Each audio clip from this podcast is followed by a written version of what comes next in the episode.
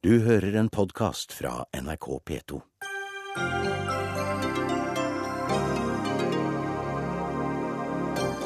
LO ber Høyre tviholde på konsekvensutredning i Lofoten og Vesterålen i regjeringsforhandlingene. Med det er det på tide å melde seg ut, sier tidligere hovedtillitsvalgt. SV, Miljøpartiet og Rødt bør slå seg sammen til ett parti, sier SV-veteran. Men hva sier de selv? Christian Tybring-Gjedde ødelegger for Frp, sier VG-kommentator, som foreslår at han kastes ut av partiet. Og Silvio Berlusconis politiske skjebne avgjøres i kveld, kan bli kastet ut av det italienske senatet.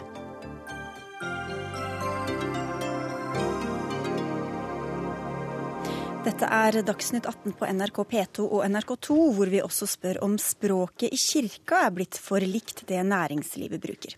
Jeg heter Sigrid Solund. LO ber Høyre og Fremskrittspartiet om å sikre konsekvensutredning av Lofoten, Vesterålen og Senja.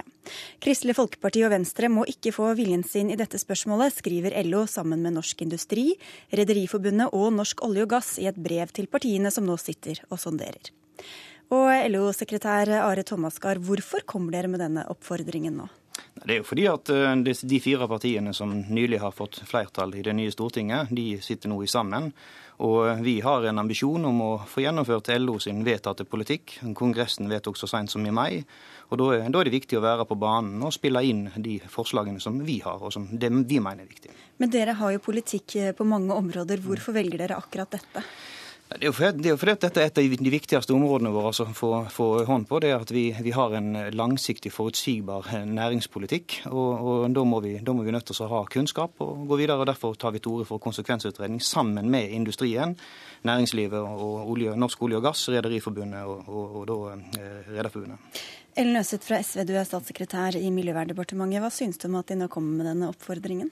Jeg er veldig overraska eh, over at de prioriterer denne saken. Av alle saker som jeg ser for meg at LO trengs å ha en sterk stemme inn mot regjeringsforhandlingene, så valgte de denne saken, eh, som jeg regner med kommer til å ende med at det ikke blir en konsekvensutredning eh, i området. Er du skuffa over at de gjør det? Jeg er veldig overraska. Jeg er også litt skuffa fordi at, at, vi trenger egentlig et LO som kjemper skikkelig hardt nå inn mot den nye regjeringa for, for, mange av de sakene som LO har, eh, har programfesta politikk på. Og så velger de ut å kjøre denne saken av alle saker, som både jeg regner med kommer til å ende med at vi fortsatt ikke åpner eh, områdene og ikke konsekvensutreder, og som, som også på en måte det finnes eh, et hav bokstavelig talt av gode grunner til å faktisk ikke gjøre som LO krever. For det, Dere har jo kanskje begrensa tilgang og, og, mulighet til å prioritere eller til å få innflytelse på den nye regjeringa. Hvorfor prioriterer dere dere akkurat denne saken? Nei, Vi har jo spilt inn flere andre saker. Vi har bl.a. sendt et brev til Erna Solberg hvor vi har streket opp en del andre saker. Så, så det, er, det, er, jo ikke den eneste saken vi kommer til å spille inn, men det er en viktig sak. Det er en sak som har fått stor oppmerksomhet, og som LO, LO sin kongress eh, også hadde stor oppmerksomhet mot. Og da har vi valgt oss å spille den inn, fordi det er viktig å få forutsigbarhet i denne sektoren. Og dette er jo noe medlemmene deres har vedtatt. Hvorfor skal de ikke da prøve å søke makt på vegne av dem? Jo, men Det handler også om en prioritering. For en ting er at Man har skrevet brev til Erna Solberg eh, med en rekke krav, men her har altså LO sendt brev til alle de fire partilederne. Så det er tydeligvis en sak som man mener er viktigere enn en det at arbeidslivet står under press og rettighetene til arbeidstakerne står under press. og Det er jeg litt forundret over, og spesielt i forhold til Lofoten, Vesterålen og Senja. Men det, det, må jeg jo få si at det er jo, en, det er jo en fritolkning i forhold til hva vi prioriterer og ikke prioriterer. For oss er det helt klart at arbeidslivsspørsmål er svært viktige, og det kommer vi til å stå veldig hardt på. Men vi har valgt, sammen med olje, Norsk olje og gass, sammen med Rederforbundet og sammen med Norsk Industri, å spille inn eh, dette spørsmålet fordi vi mener det er viktig å få mer kunnskap, få denne konsekvensutredningen på plass. Men dette er altså partier dere har brukt måneder på å advare mot. Hvordan syns du det da ser ut at dere nå ber, ber om deres stemme? Nei, altså vi, vi, kommer jo til å opptre likt. Vi har den samme politikken uavhengig av hvilken regjering som sitter, og kommer til å spille inn de samme sakene. Og kommer til å stå på de samme standpunktene som LO-kongressen har vedtatt, uavhengig av hvilken regjering vi måtte ha til enhver tid. Vi skal få inn en tredjeperson. Andreas Fliflet, du er førsteamanuensis ved Universitetet i Tromsø. Men eh, du er her fordi du satt i mange år som hovedtillitsvalgt i LO-organisasjonen Musikernes Fellesorganisasjon. Hvordan reagerer du på at LO nå tar så sterkt til orde for konsekvensutredning? Nei, Min tolkning av det blir jo at det antageligvis ikke er rom for uh, folk som har uh, sterke miljøinteresser innenfor LO. Det er jo med vemod jeg konstaterer det. Jeg har jo vært medlem siden jeg var student. Uh, og men nå virker det som å være naturverninteressert LO-medlem. Det er det som å trene kondisjonstrening, oksygenopptak for formiddagen, og så skal man røyke 20 sigaretter på ettermiddagen. Altså det, det, går ikke opp. Hvordan syns du denne bønnen fra LO stemmer overens med det de ellers sier om klima- og miljøhensyn og den bekymringa de har der? Nei, jeg skjønner det ikke. Eh, hadde det vært et mattestykke, så hadde det blitt kansellert og erklært ugyldig. Mm. Det, det var noe som jeg sa, tok opp i et eh, åpent brev til Roar Flåten tidligere i vinter. Eh, hvor det virket som det var et ektefølt miljøengasjement på andre fronter. Og så Når det gjelder konsekvensen av denne oppfordringen, så, så, går man helt i null på det. Jeg skjønner det ikke. Thomas Gahr, dere har en egen fane på hjemmesiden deres hvor dere skriver om klima og hvor bekymret dere er. Eh, dere beskriver klimautfordringen som den største utfordringen menneskeheten står overfor. Hvordan gjenspeiles det f.eks. i dette brevet? Men, men jeg syns vi, vi skal skal rekapitulere litt. For det vi snakker om, det er en konsekvensutredning. Vi snakker ikke om at vi sier ja til å åpne. det Konsekvensutredningen må ligge til grunn for det. Og det er altså slik at Når vi ønsker å konsekvensutrede noe, så er det, det er viktig for oss å ha føre-var-prinsippet med osv. Og, og det er viktig for oss også å legge vekt på sameksistens med fiskeri. Så får vi ta stilling til om vi skal sette i gang leiteboring, og når det eventuelt skal skje, dersom konsekvensutredningen tilsier at det er forsvarlig. Ja, Altså, eh, det er jo få områder innenfor politikken hvor vi har så masse kunnskap som det er Lofoten, Vesterålen og Senja. Det er publisert nå altså, eh, papirer tilsvarende en meter hvis du stabler dem oppå hverandre, med kunnskap om de områdene. Biologien, det er laga fremtidsscenario for hva det kan eh, skape av arbeidsplasser. Det er minimalt med arbeidsplasser. Det ligger seg mellom 400 og 1100 arbeidsplasser fra Namsos til Tromsø. Det er helt minimalt i forhold til de andre næringene. Så når man da sier at man ønsker konsekvensutredning for å få kunnskap, så er det ikke det i konsekvensutredning er. Hvis man sier ja til konsekvensutredning, så sier man ja til åpning. Vi har masse, masse kunnskap, og all miljøkunnskapen peker i retning av et nei til åpning. Det, det, er feil. Eh, det er altså slik at det har vært gjennomført konsekvensutredninger bl.a. i Skagerrak, hvor det ikke ble åpna for leteboring. Det er flere tilfeller hvor det har åpnet ja, for Ja, selvfølgelig. For konsekvensutredningen må ligge på plass før du åpner. Men det er ikke dermed sagt at det er automatikk i at du åpner. For det men hvorfor vil dere ha den konsekvensutredningen da? Nettopp fordi at vi ønsker å ha mer kunnskap. Og når jeg hører de tallene som motdebattanten min fremmer her, så blir jeg enda mer sikker på at dette trenger vi konsekvensutreder. For det er, det andre tall enn de jeg sitter med, fra andre aktører. Så da må vi i hvert fall kvalitetssikre hva er riktig og hva er galt der. Jo, men altså, Du kan ikke komme bort ifra at vi har enormt med kunnskap om dette. Jeg tror ikke det har vært noen havområder som har vært åpna hvor det finnes så masse kunnskap, nettopp fordi at man har prioritert å hente fram kunnskap. Det er ingen som er mot det. Men en konsekvensutredning gir ikke mer kunnskap. Men øh, hva skal til for at LO prioriterer miljø og klima foran arbeidsplasser? Vi ser ikke det som noe motstykke. Vi ser det at klima og miljø, det å gjøre riktige tiltak, det å bruke den formidable kompetansen som ligger bl.a. i petroleumssektoren, det gir oss kjempestore muligheter innenfor f.eks. For eh, fornybar og Men der hvor det er motsetning, da? Nei, der, der det er motsetning, jeg, jeg, ser ikke den. Da må i hvert fall få de konkrete casene. Det, Kullkraftverk f.eks.? Jo, men altså, men altså, kullkraftverk har vi jo ikke i Norge. og Vi er jo ikke for oss å åpne. Nei, altså, vi, vi, tar ut kull på Svalbard, og det er jo, det er jo mange interesser som ligger bak. For, for, okay, men du nekter å tro at det noen gang er en motsetning mellom Nei, det kan, det kan være en motsetning, men det, blir, men det blir et spørsmål vi må ta stilling til når det er en motsetning. I utgangspunktet velger jeg å se på at miljø og klima gir oss kjempemange muligheter, og kombinert med petroleumssektoren så kan vi bli veldig sterke sammen. Flyflett, det... dette er jo ja, det er et politisk eh, vedtak i eh, LO her, så du har jo tydeligvis ikke fått med deg resten av medlemmene på ditt syn, da? Nei, jeg har ikke prøvd heller. Jeg var ikke engang til stede på kongressen. Men jeg bare konstaterer at eh, da er det tydeligvis ikke plass for folk som bruker resten av sin hverdag til å prøve å ikke gjøre ting som direkte ødelegger eh, miljøet. Og dette med at Det ikke er noen motsetning mellom naturvern og f.eks. oljeutvinning. Altså Det å utvinne olje i seg selv nå er jo i direkte motsetning til det som Internasjonale energibyrået, som er en meget konservativ organisasjon, har fastslått. To tredjedeler av fossilt brensel må bli liggende under bakken frem til år 2050 hvis man skal ha sjans om å ikke overskride to graders stigningen i klimaet. Og bare det er jo en radikal forverring. Men, men, jeg gjentar igjen at vi tar ikke stilling til å åpne Lofoten, Vesterålen og Senja nå. Det vi tar stilling til, og det vi ber om, er at konsekvensutredningen blir gjennomført, slik at vi kan ta stilling til det i 2014. Det tror vi vil være fornuftig. Og så hører jeg at andre sier at de har nok kunnskap. Vi har ikke nok kunnskap. Vi ønsker den utredningen, og så ønsker vi å ta stilling til det. Og Så får vi ta den debatten da. Og da syns jeg det er bedre kanskje at folk som er medlemmer i LO, er med oss og tar den debatten, og ikke melder seg ut av den debatten. Jo, men det er litt som å, det er litt som å si at det er litt som å si at, å si at man ikke er sikker på om man vil ha oljeutvinning ved å først gjøre konsekvensutredning. Det er litt som å si at man skal dra til eh, Flesland eh, flyplass på formiddagen og se om man kommer et fly eller ikke. Sannsynligvis så kommer det et fly. Men melder du deg ut av LO med dette, tror du? Dessverre så håpet jeg at det ikke skulle bli en aktuell problemstilling. men eh, altså, Jeg har ikke noen tro på at min utmelding gjør noen stor forskjell. Men for meg så saboterer det ting som jeg ellers prøver å være til støtte for. Så, så din, din, konklusjon er? Jeg fikk vite dette i dag, at LO fortsatt har dette som en kampsak. Så jeg har ikke rukket å ta stilling til det. Men det var jo nedslående nyheter. Ellen Øseth fra SV, dette kommer ikke bare fra LO, men også fra oljeindustrien og skipsfarten. Hvilket eh, press tror du det legger på eh, Høyre? og Frp. Det er altså mer forståelig at det kommer fra de andre eh, enn fra LO, eh, spør du meg. Eh, nei, altså Det er jo et press fra, fra, mange hold, men jeg er ganske sikker på at eh, Lofoten, Vesterålen og Senja verken blir konsekvensutreda eller åpna i neste periode.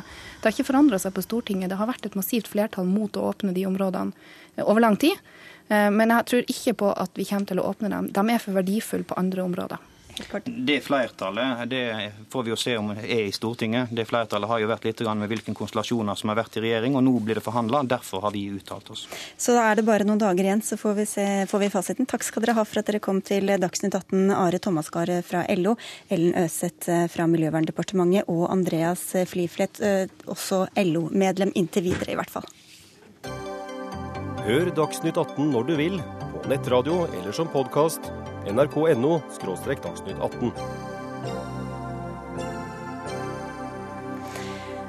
Valgkampen vi har eh, lagt bak oss har inneholdt eh, mange løfter om eh, mer velferd og flere og bedre goder. Velferdskutt og innstramminger har vi ikke hørt så mye om. Skjønt i dag tar du til orde for nettopp det som en reaksjon på et innlegg fra Manifest Analyse, Sveinung Rotevatn. Du er leder i Unge Venstre og snart også stortingsrepresentant. Hvorfor ser du behov for å stramme inn på de offentlige godene? Fordi jeg kan å lese. Og jeg har lest eh, perspektivmeldinga som eh, regjeringa har kommet med, som eh, veldig mange partier har valgt å legge litt sånn i skuffa foreløpig, ikke vil snakke om. Men det en kan se der om framtidsutsiktene til norsk økonomi, norsk velferd, er, mener jeg, ganske skremmende lesning. Det det handler om, er jo at vi går inn i en framtid der Norge om veldig få år, rundt 2025, ikke lenger vil gå i pluss. Fordi eldrebølga kommer. Eh, pensjonsutgiftene går i været, eldreomsorgsutgiftene går i været, og petroleumsinntektene synker, som vi i dag salderer budsjettene våre med. Da har vi jo et par valg. Vi kan selvfølgelig øke skattene, det er jo mulig å gjøre. Eh, en kan reformere velferdsordningene våre, gjøre de eh, mer fornuftige.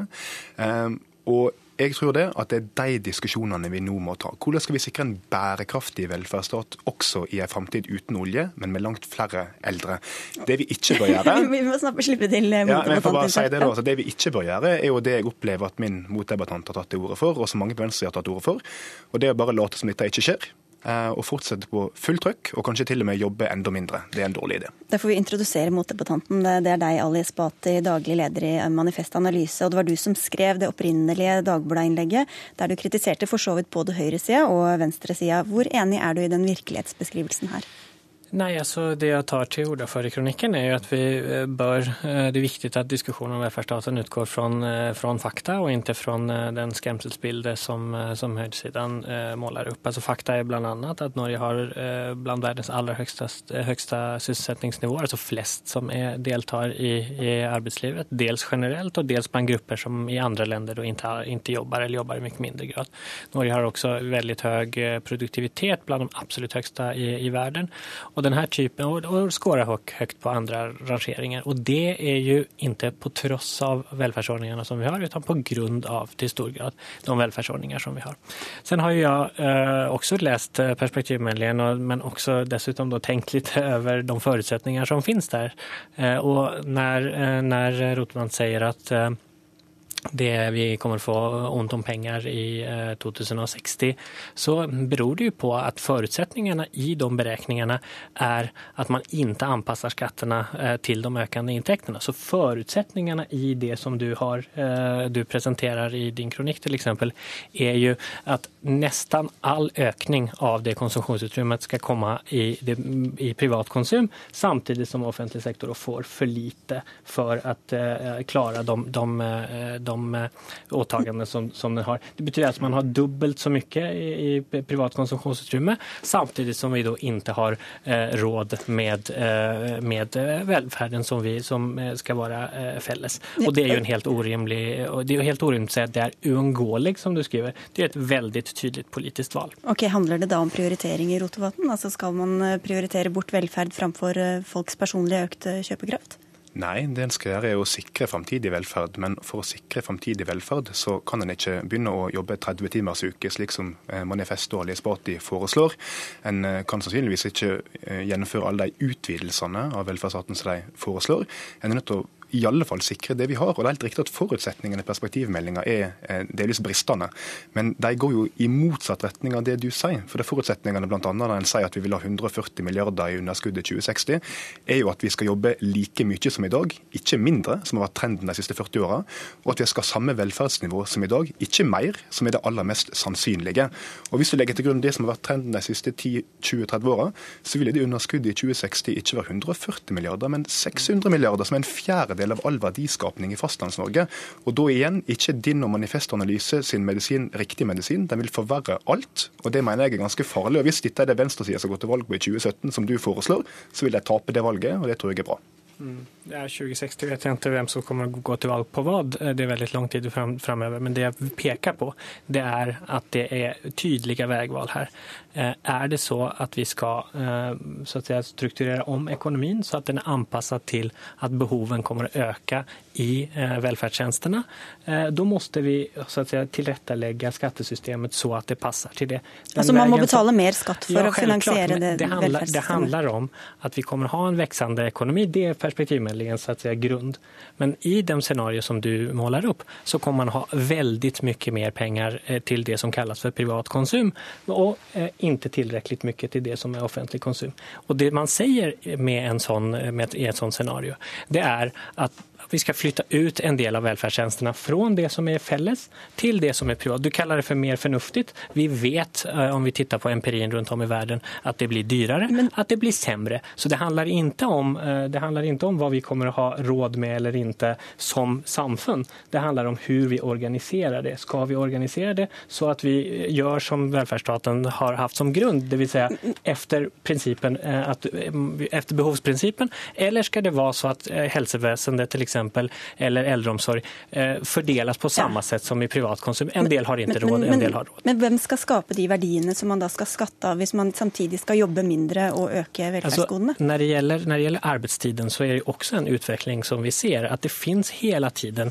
eh, en, en dragkamp om hur produktivitetsökningarna ska användas. Självklart är det så att om man använder mer av produktivitetsökningarna till att sänka arbetstiden så som man har gjort hittills så kommer det att ha effekter på den Eh, på det privata konsumtionsutrymmet. Men det, vi har ju fortfarande det valet som, som jag försöker beskriva, som Rotevatn helt enkelt försöker rota bort Her. Dere snakker veldig langt av gangen, så går tiden veldig fort, men du skal få svare, Jo, men dette er jo sånn klassisk, eh, vil jeg si, sosialistisk nullsumtankegang rundt en nei, økonomisk analyse. Jo, nei, det er det det ikke er. For du, med de enorme skatteøkningene som faktisk er forutsetninger for resonnementet ditt, og de vil være svære, så er jeg veldig redd for at den utviklinga vi allerede ser i dag, blir forsterka. Norge har mista 25 000 industriarbeidsplasser siden 2008. Vi har et lønnsnivå som er 60% over våre handelspartnere, som er alvorlig. Og produktivitetsveksten som du snakker om, den har ikke holdt tritt med lønnsveksten de siste åra. Den har tvert imot stoppa opp. Og Det er kanskje grunnen til at så... Er det så at offentlige investeringer kan bidra til å øke produktivitetsøkningene, eller tror du at de liksom kommer av seg selv? Ja, I en planøkonomi så kan du sikkert tenke sånn, men det er ikke det som er realiteten. Nei, jeg prater ikke om en planøkonomi. Tror, du at om, tror du at om vi har dårlig infrastruktur, dårlig helsevesen, eh, dårlig eldreomsorg, så bidrar det positivt til produktivitetsøkningene. Det er det som er resultatet av, av det du foreslår. Ja, men enkelte av oss er åpne for følgende faktum. det er at I dag, jeg mener i fjor, i 2012, så er fire og en halv yrkesaktive per pensjonist. Hvis vi ser noen år fram nå, så vil vi være to og en halv yrkesaktive per pensjonist. Omtrent når jeg skal gå av med pensjon. Og Da tror jeg alle skjønner at vi kan ikke fortsette å jobbe stadig mindre, slik du foreslår med de 30 timers uke. Tvert imot, Norge har i dag en sysselsetting på 61% justert for deltid. Det er lavest i Norden, og det er langt under OECD-snittet. Hvorfor snakker da ikke dere f.eks. i Venstre mer om kutt? Det er jo ikke akkurat det dere gikk til eh, valg på? Venstre går til valg på det jeg mener er Norges mest fornuftige økonomisk politikk, selv om jeg har foreslått at en bør gjøre flere ting, f.eks. bruke mindre oljepenger. Men det vi har vært åpne for, er f.eks. at vi bør ha helt andre insentiv når det gjelder tidlig pensjon. At eh, en kan ikke fortsette å bruke én av 20 kroner i Norge som blir skapt i verdier, på tidligpensjon og på sykepenger. Det er desidert høyest i Vesten. Jeg tror at vi må ha bedre insentiv for at en alltid skal lønne seg å stå i arbeid, og at det skal lønne seg å jobbe lengst mulig. For når vi snart blir to og en halv i yrkesaktiv alder per pensjonist, så må vi faktisk jobbe mer og mer fornuftig, ikke mindre og dummere. Okay, du får helt kort til slutt, Bare se på virkeligheten og jämföra länder med hverandre. De länder der man har gode fellesskapsløsninger, der har man høyere produktivitet, høyere sysselsättning och bättre framtidsutsikter. De länder där man följer din oppskrift, det går ikke særskilt bra for dem. Og Det er det valet som vi også har i Norge fremover. Og da er vi tilbake der vi begynte. Takk for at dere tok debatten i Dagsnytt 18, Sveinung Rotevatn fra Venstre og Ali Esbati fra Manifest Analyse.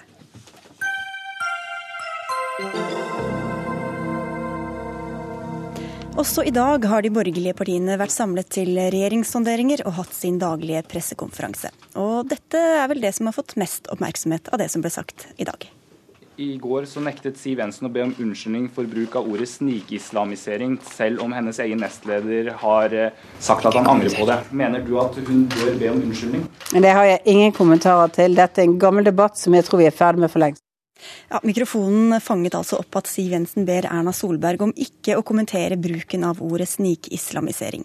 I går holdt Fremskrittspartiet en pressekonferanse for å be utenlandske medier slutte å koble partiet opp mot massedrapmannen Anders Behring Breivik. En pressekonferanse som får kritikk på lederplass i flere aviser i dag. Kommentator i VG Hans Petter Sjøli, hvilket bilde mener du Frp prøvde å tegne av seg selv?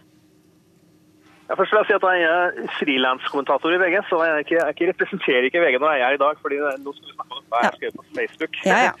Bare så det er sagt. Men mm. nei, altså Frp prøver jo å, å, de store hvitvasking. å prøve å, å, fortelle resten av Europa hva slags parti det, de mener sjøl at de er. Og det eh, må vi jo ta på ramme alvor, at de, at de, faktisk mener at de ikke er et høyrepopulistisk parti. At de er et moderat og og liberalt parti eh, på høyresida. Og hvis de skal lykkes i å tegne det bildet, må de vurdere å ekskludere Christian Tubring-Gjedde, mener du. Hvorfor det? Altså, det var en spissformulering jeg brukte på Facebook. Eh, og det handler om at eh, Christian Tubring-Gjedde står i veien for den linja som Ketil Solvik-Olsen og andre Frp har nå, ved å prøve å stille Frp som et, som et vanlig liberalt høyreparti. Han, ja. Eh, og Da mm. tenker jeg spesielt på et sitat han ble, han ble sitert i et intervju her eh, rett før valget, hvor han sier at uh, sitat, altså, jeg står fremdeles fast på at vi graver vår egen kulturelle og etniske grav her i Norge. Og Det gjør vi gjennom innvandringspolitikken. Og Det vil være et flertall av asiater og afrikanere i Oslo i 2050, sier altså Tybring-Gjedde. Hvordan vurderer du det utsagnet og den andre retorikken han har? Nei, altså, jeg synes jo det, altså, Når man bruker ord som, som kulturelt og etnisk eh, grav, og kobler det altså, opp mot uh, asiater og afrikanere, så syns jeg da, da nærmer en seg et eller annet sånn guffent, uh, sånn Sverigedemokraten-aktig måte å, å, argumentere på. Som jo på en måte er det totalt stikk motsatte av det bildet uh, Solvik-Olsen og andre Frp-ere prøver å gi av partiet sitt til europeiske journalister og andre. Men hvorfor skal ikke ulike fløyer eller ulike politikere i partier ha ulik stil eller formulere seg litt forskjellig? Ja, Det er jo bra eh, fornuftig, det. Altså, Frp har jo blitt beskyldt for eller altså, Alle partier kjører jo dobbelt i den forstand at man, man, sender ut sonderinger og følere ut i debatterrenget for å, for å liksom, uh, spille litt på flere strenger. da. Uh, det, det, er jo greit nok. Men jeg mener at, at hvis Frp skal ha troverdighet da, på det å å, å, distansere seg fra de partiene de mener seg sjøl og ikke være en, en, del av en familie, altså andre høyrepartier, så står eh, Tybring-Gjedde helt i, i, veien for det. Og da, da, klarer vi ikke å ta det på alvor. Hans Petter Sjøli, takk for at du var med på telefonen eh, på vei til fotballtrening, var det vel. Skal vi sette over til deg, stortingsrepresentant for Fremskrittspartiet, Christian Tybring-Gjedde. Altså, du ville ikke møte VG i debatt, eh, så nå snur vi om på det og lar deg kommentere kommentatoren, eh, så å si. Hva synes du om at ikke bare Sjøli, men også flere andre i dag lufter ideen om at du bør ekskluderes fra Fremskrittspartiet? Ja, det, Jeg vet ikke om jeg skal ta det seriøst eller om jeg skal le eller gråte av en sånn type kommentarer. Det er tydelig det at å stå på folkets side er noe som er litt populært. Og det er jo, Man kan godt kalle det populistisk, men jeg står og representerer folket. Og jeg er overbevist om at jeg representerer også folkemeningen i disse spørsmålene. Og det som er interessant, det er at vi har et såkalt mediemangfold. Men så mener de akkurat det samme. VG, Dagbladet, Aftenposten. De mener akkurat det samme. Eh, og, og, og, og, I gamle dager så var det meningen at du skulle ha pressestøtte for at de skulle mene litt ulike ting. da. Eh, og så er det interessant at vi har fått noe presse nå som driver med såkalt sånn ordpoliti. De kommer og løper etter deg, sånn ytringspoliti. Så sier du og bruker du det uttrykket, da er du skummel. Men hvis du sier det på en annen måte, så er du ikke fullt så skummel. I dag morges på NRK så fikk vi høre om at det var vestafrikanere som har vært arrestert eh, pga. narkotika. Eh, salg av narkotika. Det meldte NRK på alle nyhetskanaler. Vestafrikanere, det var da veldig stigmatiserende. Jeg brukte bare afrikanere, Og da ble jeg også stigmatisert. Hva er dette for noe tull? Altså, Vi må kunne kalle en spade en spade, ærlig talt. Men hvis vi holder oss eh, til innholdet i det som ble sagt også, hvor mye kjenner du deg igjen i det bildet av Frp som ble skapt på pressekonferansen i går? Altså, Fremskrittspartiet er et uh, liberalistisk parti som ønsker en streng uh, innvandringspolitikk. En bærekraftig innvandringspolitikk, både av økonomiske og verdimessige årsaker. Hvis det er kontroversielt, ja vel, da er jeg kontroversiell, og det er helt greit. Men spørsmålet er, hvordan tror du at du, det du sier blir oppfattet, kontra det f.eks. Ketil Solvik-Olsen uh, sier? blir oppfattet? Ja, vi har ulik stil. Altså, Ketil Solvik-Olsen er en strålende finanspolitiker og, og, og er flink på det. Eh, jeg har den stilen jeg har, og jeg sier det jeg eh, mener er korrekt. Jeg, jeg, gidder ikke å pakke det inn og late som jeg mener noe annet. Og Hvis det er kontroversielt og forferdelig, ja, da får, noen, eh, da får VG ekskludere meg. Dessuten så har jeg ekskludert VG for lenge siden, for de har kalt meg både det ene og det andre. Men Frp-leder Siv Jensen, som vi hørte her, ba altså Høyre-leder Erna Solberg om å ikke kommentere snikislamiseringsdebatten på pressekonferansen i dag. Hva synes du om snikislamiseringsbegrepet? Ja, altså, er vel, eh, kom i 2009, og det var en kommentar til uh, hijab i politiet som det ble krav om. Det var fjerning av bilde av en gris på et sykehus. Det var uh, segregerte dusjer for de muslimske skoleelever. Det var altså så mange ting som dukket opp i den perioden, så da ble kalt snikislamisering. Egentlig så var det ingen som prøvde å snike det inn. Det var helt åpenlyst. Du kunne like godt gjøre som Kolberg sa, nemlig at det var islamisering som skjedde. Men Det var vel ikke de tilfellene han tenkte på, kanskje? men er dette et begrep som du syns burde brukes mer, eh, Fremskrittspartiet? Altså igjen, dette ordpolitiet. Hvis man kommer og diskuterer alvorlig talt, kan vi ikke diskutere disse fenomenene som faktisk skjer? Nemlig segregering f.eks. av eller bruk av sharia i konfliktrådene. Diskuter det. Hvorfor er det ikke noen journalister og mediefolk som kommenterer dette og sier dette er en eh, vei tilbake eh, til fortiden, istedenfor å gå og si at vi skal ha et sekulært land basert på FNs menneskerettigheter, som er de verdiene som er tuftet på. Tenk på alt brudd på likestillingen. Hvor er alle feministene som kjemper for, eh, for, for kvinnens syn i islam? Dere som da er i mediene, dere kjemper ikke lenger for disse. For nå er det altså bedre å forsvare uh, uh, muslimer enn, generelt enn det er å forsvare kvinnene i islam. Og Det syns jeg, jeg, er en skam, og det syns jeg faktisk mange må ta seg sammen for å faktisk se. Likestillingen eh, bør fremmes også for muslimer. Jeg tror ikke jeg skal gå inn i en sånn debatt med deg hvor jeg representerer mediene, det har ikke jeg mandat til.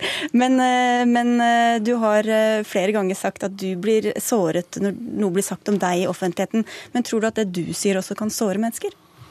Ja, altså, hva har jeg sagt personlig som noen som er såret? Jeg vet ikke jeg, men hva mediene har formidlet om meg. Eh, alt fra rasist til fremmedfiendtlig til eh, jeg vet ikke hva. Eh, jeg har blitt sykemeldt av det, jeg har blitt drapstruet på det, jeg har fått partibeskyttelse pga. det. Men jeg står oppreist ennå. Og hvis det er noen slik som personlig føler seg såret Jeg har aldri angrepet et enkelt menneske og sagt at du det har jeg aldri gjort. Eh, og det kommer jeg heller ikke til å gjøre. Men jeg syns faktisk mediene, og nå får jeg mulighet til å snakke, jeg syns faktisk mediene, journalistene generelt, bør være mye tydeligere til å si at dette aksepterer vi ikke. Vi skal basere oss på norsk kulturarv, norske tradisjoner eh, og de verdiene som ligger i FNs menneskerettigheter, som er også sekulære. Men, men du har f.eks. sagt at vi i Norge graver vår egen kulturelle og etiske grav, eh, og at verdiene vi står for svinner hen fordi islam vokser. Tror du at noen kan ta det så, så, som sårende? Ja, Hvem skulle det være, da? Muslimer, f.eks.? For Fordi at jeg snakker om afrikanere og asiatere? Altså jeg ser på Statistikken SSB sier at 25-30% av Oslos befolkning er nå asiatisk og afrikansk bakgrunn. SSB melder at dersom uh, utviklingen fortsetter, så vil et flertall ha asiatisk og afrikansk bakgrunn i Oslo. Det er sannheten, det er ikke noe annet enn det. Du sier at bare helt kort til slutt her, du sier at dere har litt forskjellig stil, også avhengig av hvem man spør. Men hvor sentral plass tror du du får i Fremskrittspartiet hvis dere kommer i regjering fremover? Jeg blir gjerne statsråd, jeg. Takk for at du kom til Dagsnytt 18, Christian Tybring-Gjedde.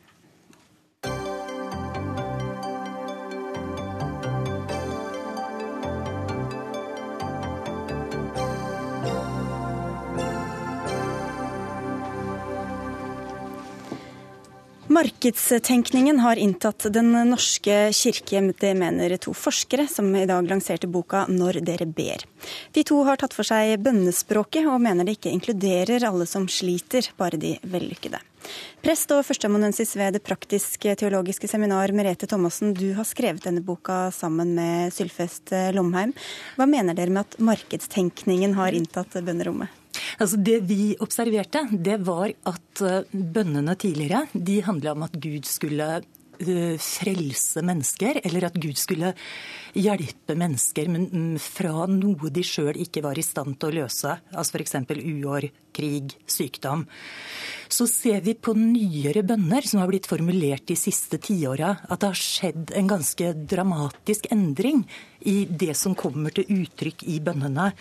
Så det som, det som kommer Altså den måten mennesker ber på nå i de nye bønnene, det er at den legger veldig mye vekta på å skape gode følelser hos den enkelte.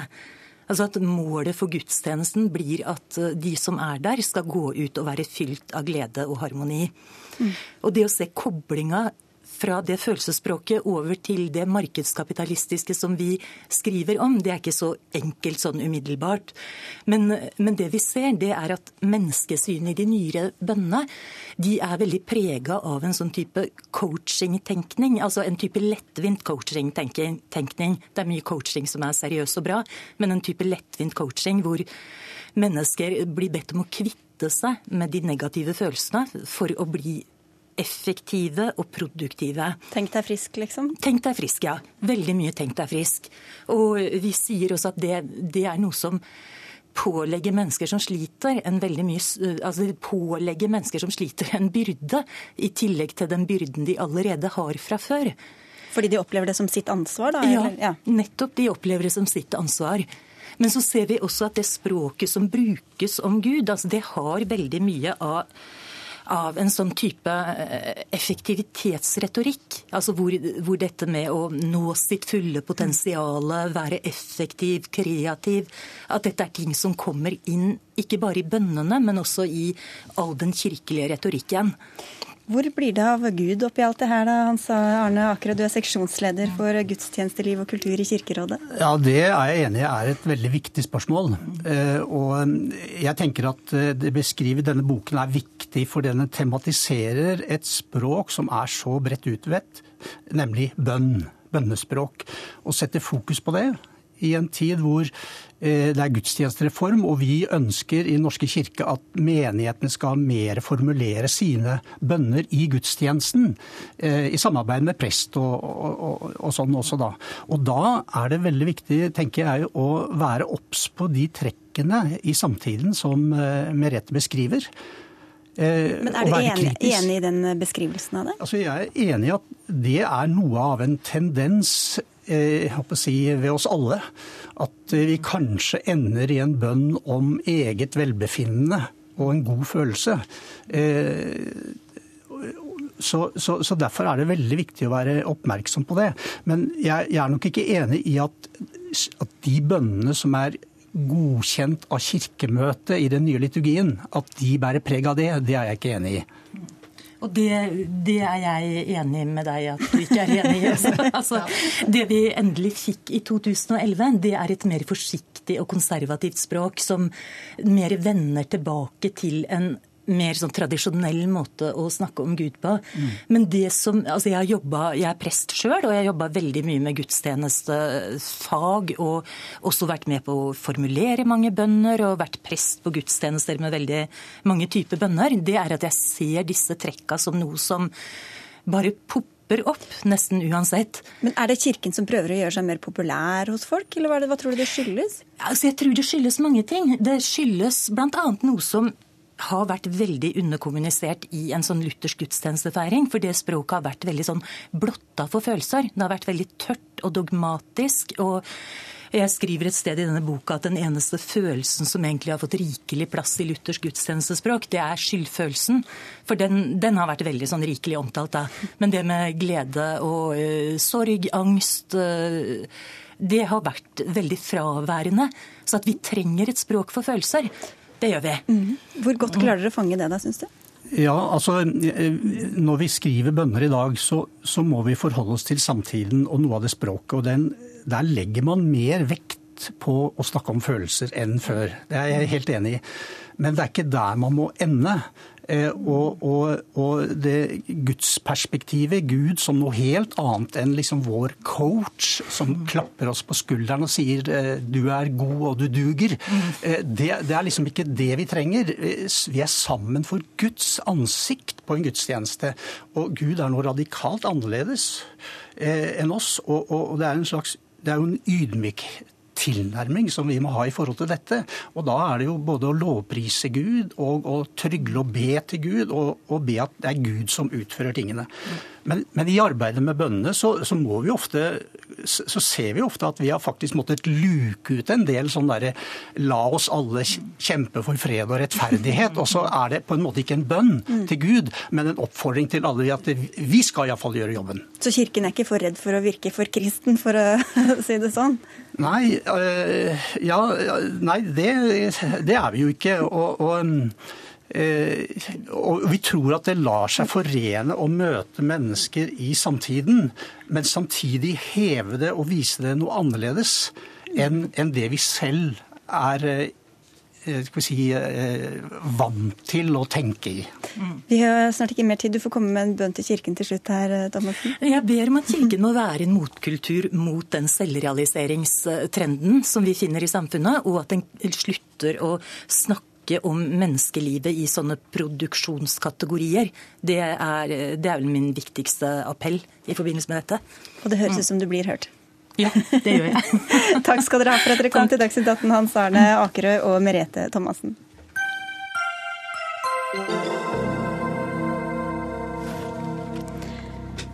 Nå er det på tide at venstresida i Norge slutter å kjekle seg imellom, og heller slår seg sammen til ett parti. Det partiet skal hete Rød-grønt Venstre og bestå av SV, Rødt, Miljøpartiet De Grønne og en og annen småforvirra sosialdemokrat. Det skriver du i Manifest Tidsskrift, Stein Ørnhøi, Du er tidligere stortingsrepresentant for SV, og før det leder av Sosialistisk Folkeparti. Hva slags parti ser du for deg? Ja, for det første så må jeg nå korrigere deg en smule, da. For denne samtalen skal foregå i all vennlighet. Jeg har aldri skrevet en småforvirra sosialdemokrat. Å nei, det var vår... ja, det, det, må nok du finne en annen kilde på enn meg. Ok, Men til spørsmålet, hva slags parti ser du for deg? Ja, Det vet jeg ikke. Eh, det jeg vet, er at vi delvis bytter velgere. Eh, jeg vet at det er medlemmer som går, altså folk som er, har vært medlemmer av SV, som har gått til Rødt. Vi har fått mange fra Rødt gjennom årene som har gått inn i SV. Vi har mista sentrale folk fra SV til Miljøpartiet De Grønne. Og, det, og når du da ser også valgresultatet slik det forelå, så er det jo helt åpenbart at uh, den struktur som da vi nå har organisatorisk til venstre for Arbeiderpartiet, den hadde iallfall ikke bærekraft nok ved dette stortingsvalget. Eh, men hva kan da partiene vinne på å bli altså en større helhet enn å kjøkle seg imellom? Da vi laget eh, SV, Sosialistisk Venstreparti, da hadde vi utgangspunkt i flere grupper, og enda flere enn nå. Og det var på et tidspunkt hvor eh, Sosialistisk Folkeparti, som jeg da kom ifra, vi hadde mellom 3000 og 4000 medlemmer. Så hadde vi en prosess hvor vi da diskuterte sammen, vi møttes og vi utvikla en ny politisk plattform. To år etter at denne prosessen starta, så hadde det nye partiet 12 000 medlemmer. Og da husker jeg den gamle fagforeningskjempen eh, Ragnar Kalheim. Han sa det når folk var skeptiske. altså Hvorfor skal vi slå sammen liksom alle de småpartiene og sånt. Og så sa Ragnar Kalheim at i politikken så er det ikke slik at to pluss to blir fire. Noen ganger blir det både fem og seks, sa han. Vi får se om du klarer å overbevise Ja, det utløser ja. nemlig en slags politisk dynamikk. Vi kan lære av hverandre. Og så må det starte nedenifra. fordi at vi kan ikke sitte i Oslo, noen få sånn som oss, og si at nå gjør vi sånn. Dette må begynne i lokallagene. Folk må møtes, snakke politikk og finne ut av dette her selv. Ja, vi begynner her først, da. Karin Andersen, stortingsrepresentant for SV. Hva syns du om forslaget fra din gamle partikamerat? Nei, Jeg er glad for at eh, vi kan begynne å diskutere dette. Fordi valgresultatet viser jo at eh, vi som er veldig opptatt av klima og miljø og rettferdighet, at vi Eh, ikke har styrka oss eh, i de siste valgene. Og at eh, for å si det sånn, flere partier vi sprer oss på, dess vanskeligere ser det ut til å være å vinne gjennomslag. Så du avviser veldig, det ikke? altså? Nei, jeg avviser det ikke. Og vi skal jo ha landsstyremøte nå til helga, og vi skal jo mm, stake ut kursen framover. Nå har jo vi kommet inn med en Ja, hva skal jeg si. Vi har, vi har i hvert fall nå en stortingsgruppe. Vi har vi har et parti som eh, har nå veldig brei erfaring, lang erfaring både fra storting og fra regjering. Og ønsker å invitere til eh, samarbeid med alle som ønsker å jobbe både for klima og miljø og for mer rettferdighet. Så jeg håper at vi skal kunne diskutere dette nå med litt lave skuldre, mm. og se hvordan vi skal eh, jobbe framover. Du, du, heiser litt på skuldrene, Bjørnar Moxnes, leder i Rødt. Jeg senker dem. Hvordan ser du på det å bli ett med de rundt bordet her? Altså, det, er en, det, er en, diskusjon som vi må uh, møte åpent uh, og ydmykt, fordi det var et uh, elendig valg for venstresida. De borgerlige vant en overlegen seier.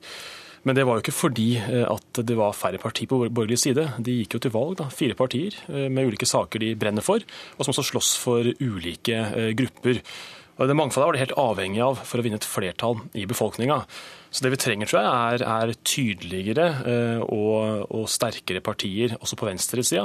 Og bare for å gi et eksempel på det, eh, så, så trengs det eh, partier til venstre i politikken som jobber for alle de som har forholdsvis både høy inntekt og utdanning, og som bryr seg mest om kanskje miljø og bistand. Vi må også ha partier til venstre som slåss for dem som er nederst i arbeidslivet, dem som rammes av sosial dumping, og som rammes av pensjonsreformen som regjeringa har innført. Jeg tror Karin Andersen vil være enig med deg der. Ja, men det, jo, men det mangfoldet der. Det det trenger du for å kunne også mønstre et flertall i befolkninga. Så det å slå sammen partiene tror jeg vil innskrenke også nedslagsfeltet for, for, for, oss. Det tror jeg ikke er nødvendigvis veien å gå for å vinne større oppslutning. Til å være åpen høres jo ganske lukket ut allerede, må jeg si. Men jeg kan jo høre med Hanna Markussen, eh, talsmann for Miljøpartiet De Grønne. Hvordan frister dette for deg?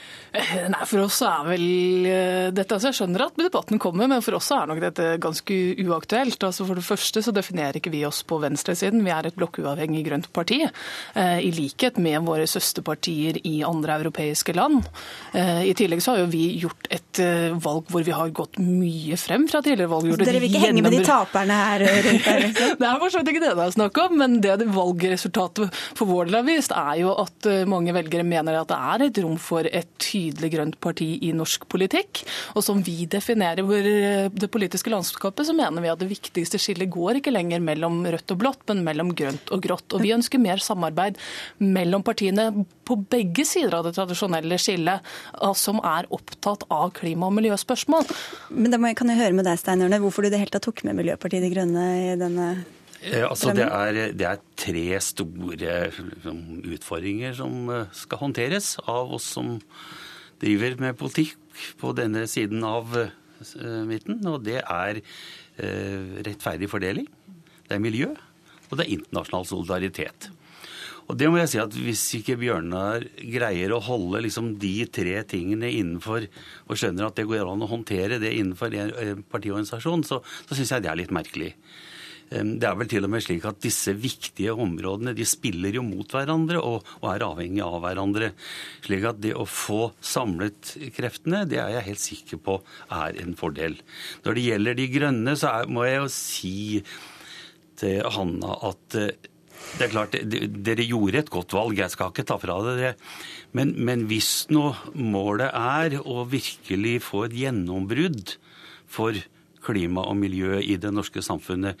Så med all respekt for Rasmus Hansson, men, men, men 2,5% ved valg og én stortingsrepresentant er sannsynligvis ikke nok, for å si det litt forsiktig.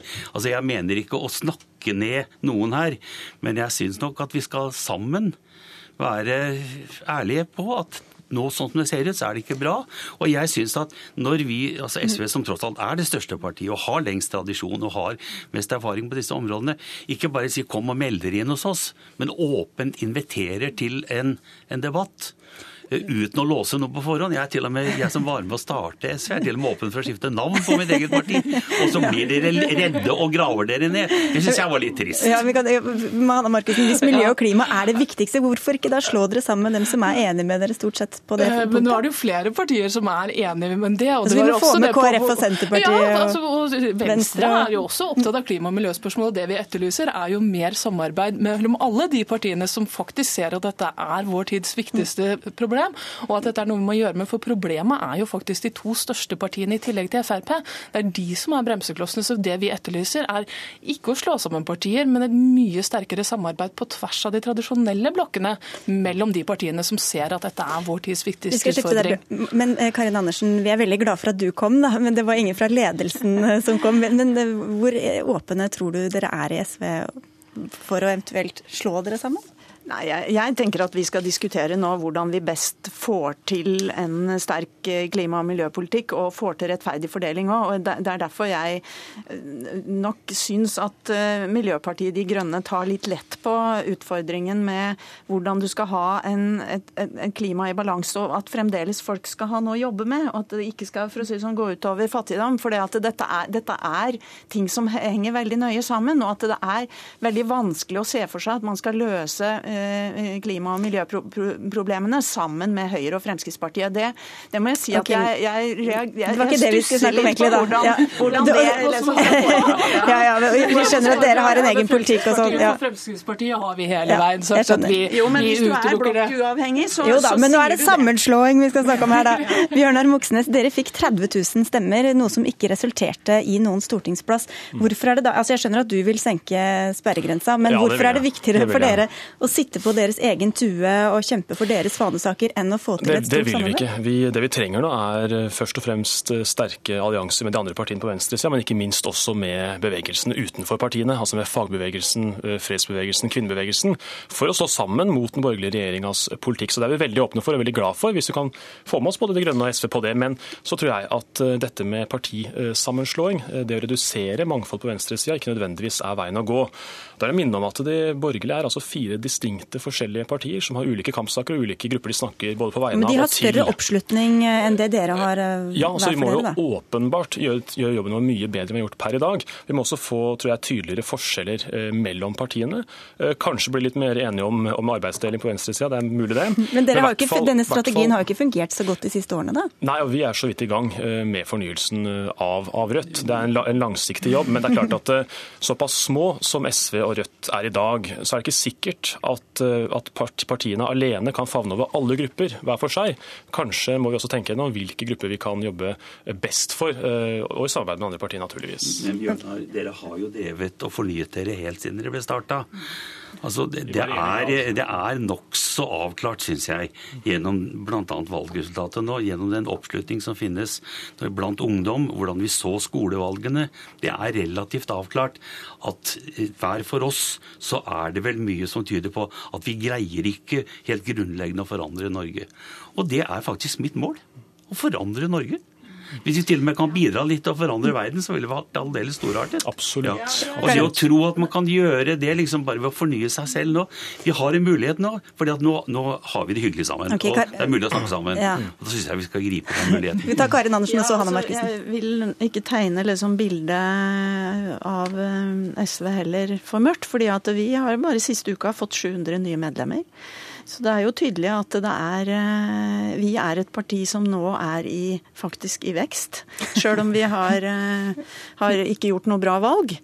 Eh, og jeg mener at vi har et stort ansvar nå for å diskutere hvordan vi kan bli sterkere på de sakene som vi i hvert fall sånn grunnleggende har en del ting vi er enige om. Men det er klart sånn ideologisk, tradisjonelt, så står jo SV og Rødt fra hverandre. Men, men det, det, forstår jeg jo at Moxnes nå på en måte har sagt at de må forandre seg mer. Men til det jeg egentlig spurte om i stad, som ikke du svarte på, er dette tanker som luftes internt i SV også? Ja, jeg, jeg sier i hvert fall at jeg synes, ønsker dette velkommen, at vi diskuterer det. Og, og, da er det jo lurt at ledelsen ikke sier noe veldig tydelig om dette før også medlemmene i SV og de som vi ønsker å samarbeide med, får lov til å si det de mener også, uten at vi skal behøve å konkludere eller trekke noen røde streker under svaret. Anna Markussen. Ja, altså Det er flere ting å svare på her, egentlig. Men dette med, selvsagt så ønsker vi også å endre Norge, og, og endre klimapolitikken, ikke minst. Eh, men det vi ser fra naboland som Sverige, Finland og ikke minst Tyskland, så er det jo nettopp det at de har rene grønne partier, og det har bidratt til å, at klimadebatten er mye lenger enn kommet enn det den er i Norge, og at klimapolitikken også har kommet mye lenger enn det den er i Norge, nettopp fordi man har hatt grønne partier som har vært sterke nok til å sette agendaen der. Og det er et behov vi også har i Norge, og der har vi et helt eget eh, ideologisk grunnlag som, som ikke er er forenlig å bare slå sammen med venstresidepartier. For grønne partier er både i Norge og internasjonalt noe annet og med et annet idégrunnlag. Ja, altså, en, en ting som vi i hvert fall bør diskutere grundig, det er jo også at en, en, sånn type prosess eh, som Ørne legger opp til, eh, det kan føre til at vi får en veldig innadvendt venstreside de kommende årene. Når vi trenger å slåss sammen utad mot politikken til en borgerlig regjering. Det å få til eviglange seminarer der vi skal file på formuleringer i et program i kompromisser mellom da eventuelt Hanna og, og, Karin og meg, det kan også være en gavepakke til, til Erna Solberg, hvis vi da ender opp med mange seminarer istedenfor utad av politikk. Så det er viktig å huske på det også, tenker jeg. Det er jeg veldig, veldig enig i. Det du sier nå, det er veldig viktig. Men det andre som også er viktig, og som jeg har opplevd, er jo at noen av oss som har vært veldig opptatt av klima og miljø, eller av fattigdom, som jeg jobba mye med, vi har liksom blitt invitert inn i debatter med hverandre hele tida, og har i grunnen gått i klinsj og brukt masse krefter på å krangle oss imellom. Og så har de som ikke har ønska å gjøre noe med det, de har fått dansa på bordet i altfor stor grad. Og dette er vi nødt til å ta et ansvar for sammen. Og det hadde jo løst seg hvis dere var ett parti, da. ja, ikke sant. Men, men, det hadde det. Men, men Eh, men eh, det er på en måte, det er litt sånn prematurt å si akkurat det nå, men vi er nødt til å diskutere strategi sammen. Hvordan vi faktisk skal bli en politisk kraft sammen som kan bidra mye sterkere enn det vi gjør per dags dato. Men Ørne, du har altså vært med på å slå sammen partier. Er ja. dette gjenkjennelige faktorer? Dette er jo fredelig sammenlignet med det vi hadde for 40 år siden. Altså det, husk på at Det vi gjorde da, var at vi gikk i forhandlinger for å lage et parti med et klassisk Moskva-kommunistisk parti. Altså, Dette er jo rene søndagsskolen. Altså, dette er blanke bagateller sammenlignet med det vi hadde å håndtere den gangen. Men det Bjørnar har rett i, og som kan bli et problem, det er hvis vi lukker oss inne i sånne interne debatter. Men det kan jo hende at dette også kan gjøres ved at vi åpner opp lokale medlemsmøter. Inviterer inn nye folk får i gang åpne debatter om, hvor, om, veien videre. For det er ikke sikkert at vi skal gjøre dette denne gangen på gamlemåten. Det er jeg nokså sikker på at vi ikke skal. Sånn at uh, de gamle tradisjonene skal vi nok legge bak oss. Men erfaringene fra forrige gang er at alle de forferdelige vanskelighetene som man da hadde det ene året, det hadde man glemt året etterpå. Og hvis dere får partilederen Hanna Markussen, så er dere kanskje med likevel? Vi vil vi har jo partileder en gang, så Jeg blir bare rot. Vi, vi, må avslutte, dessverre, men tusen takk for at dere kom til Dagsnytt 18, Stein Ørnhøi, Bjørnar Moxnes, Hanna Markussen og Karin Andersen.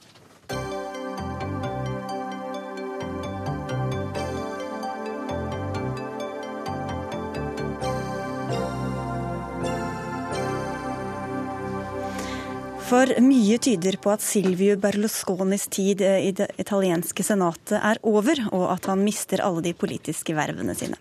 Berlusconi er dømt til fire års fengsel for skattesvindel, og i kveld skal en komité stemme over den tidligere statsministerens politiske framtid. Jon Ronglin, du er forfatter og litteraturkritiker, men også en god kjenner av Italia og av italiensk politikk. Hva tror du, mister han plassen sin? Ja, han må nesten det. Men eh, det er ingen som gleder seg til hva som vil skje hvis det går den ene eller den andre veien. For det er et eh, fryktelig kaos i Italia nå, og konsekvensene er veldig uklare. Men Hva er lovverket som gjør at dette altså skal stemmes over? Altså, det er jo sånn at Man har jo kjempet mot korrupsjon i årevis, og antimafiakommisjoner og alle disse tingene. Og så har man endelig fått på plass for ikke så mange år siden en lov som sier at hvis man er dømt til en straff av en viss størrelse, så kan man ikke ha politiske verv. Da kan man ikke sitte i Senatet eller i parlamentet. fordi det var et stort problem at det var mange straffedømte i de folkevalgte forsamlingene. Sånn at Det er en, lov som også Berlusconi den gangen var enig i. Men eh, da hadde han jo ikke trodd at dette skulle ramme han, da kanskje. Jeg vet ikke. Men du sier det er ikke noe lykkelig utfall kanskje uansett. Men hva er de potensielle utgangene eller konsekvensene av dette? Nei, altså du kan si Mange tror jo at Berlusconi da er ute av politikken. Det er jo ikke sikkert, fordi han kan jo drive politikk. Han blir jo ikke nektet å holde på Han kan jo holde møter, folkemøter, han kan jo drive på med sin propaganda, men han kan ikke sitte og ha bestemte verv. Det vil jo da være utelukket. Men f.eks. lederen av, eh, av Grillo-bevegelsen, femstjernersbevegelsen, Beppe Grillo, han er også uh, avskåret fra å ha verv fordi han har en, eh, en en dom for en trafikkforseelse for veldig lenge siden som gjør at han ikke kunne bli valgt. Men han er jo en politiker som teller veldig mye. Sånn at Berlusconi vil jo ikke forsvinne selv om han blir kastet ut av Senatet. Men hva skjer med den italienske regjering, regjeringa og Ja, så har det vært masse frem og tilbake. Vil, vil de da kaste regjeringen? Men det er ikke noe særlig smart for dem heller. fordi den regjeringen er- den er veldig skjør. Men det vil jo bare bety fullt kaos og sannsynligvis nyvalg ganske fort. Og da vil jo nettopp denne protestbevegelsen, som du kan på mange måter sammenligne med protestbevegelsen i andre land, sånn som Tahir-plassen sånn, altså en anti-elite-bevegelse, de får jo veldig vann på mølla hvis det nå eh, hvis det, denne regjeringen ikke klarer det og må kaste kortene, se hva som skjer. Det var det vi sa. Så det er alle veldig redd for. Og samtidig, hvis nå Berlusconi på en eller annen måte skulle klare å finne en eller annen måte å ikke bli rammet, så vil jo det være enda verre. For da vil de jo si ja, de, de passer på sine egne, ikke sant. Men hva har han selv gjort da, for å slippe unna? Nei, han prøver ja, altså, du kan si Berlusconi selv han mener jo dette er en konspirasjon. Det er ikke en ekte, Han er ikke en forbryter, men dette er en konspirasjon mellom venstrevridde dommere, magistrater, som, og, og liksom kommunister, gamle kommunister som prøver bare å ramme han fordi han er på en måte den, den, virkelige, den som virkelig vil Italia vel. Og den konspirasjonen er jo på en måte veldig søkt, men den har jo hele høyresida underskrevet på, på en måte. Så det gjør det også så vanskelig. fordi hvis Berlusconi forsvinner, så hvis, hvis de da sier ja, men det er, er egentlig ikke en konspirasjon, han er faktisk skyldig, så faller jo hele systemet, hele deres retorikk fra de siste 20 årene faller jo sammen. Og de har egentlig ikke noen andre bak Berlusconi. Det er også et kjempeproblem på høyresida. Det er Berlusconi, and that's it. Han har kanskje ikke vært så opptatt av å bygge opp andre etter seg? Nei, det har vært veldig vanskelig. vet du, veldig vanskelig. Men selvfølgelig så vil det jo oppstå nye ting hvis han forsvinner. Det er jo helt opplagt. Men de som nå ligger an, såkalt kronprinsen Alfa noe sånt, de er jo mennesker uten noe særlig stor appell. da. Det er Berlusconi som er magneten i det, det, den siden. Ja, hvorfor er han det fortsatt eh, blant en del i Italia? Nei, altså Berlusconi har en del sider som her, i- her til lands, akkurat som han i Italia bare er opptatt av at Breiviks parti kom i regjeringen, så er man i Norge veldig opptatt av alle de sære tingene med Berlusconi. At, det er skandaløst, og at han eh, er dømt og eh, prostituert og alt det der. Men han er jo også en veldig populær figur fordi han er en sånn som, som sier tinga som de er. ikke sant? Altså snakker til vanlige folk, og snakker litt mot det der gamle eh, hva skal vi si, den overklassen av romerske politikere, de korridorene, salongene i Roma, den gamle adelen, eh, Vatikanet. Berlusconi er frekk og er liksom en self-made man, som kanskje egentlig ikke er sant. Det er mulig at- egentlig at han har blitt løftet frem av, eh, av lugubre krefter, men det er i hvert fall hans image. Og det er mange som syns det er litt kult, fordi at i et sånt samfunn som Italia, som er så eh, hierarkisk, så forsteinet, så er det på en måte veldig sånn forfriskende at noen kommer inn og sier nei, hør nå her. Slår av en vits, tøyser litt, er uhøytidelig, kan bli sinna, eh, viser eh, folkelighet. Selv om han er en mangemilliardær, så er han på en måte liksom en av gutta. da. Og det, det er kult.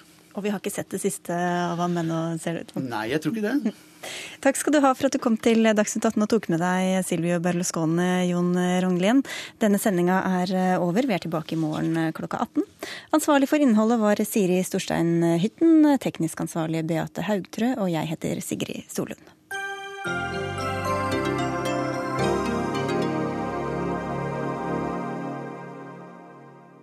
Du har hørt en podkast fra NRK P2.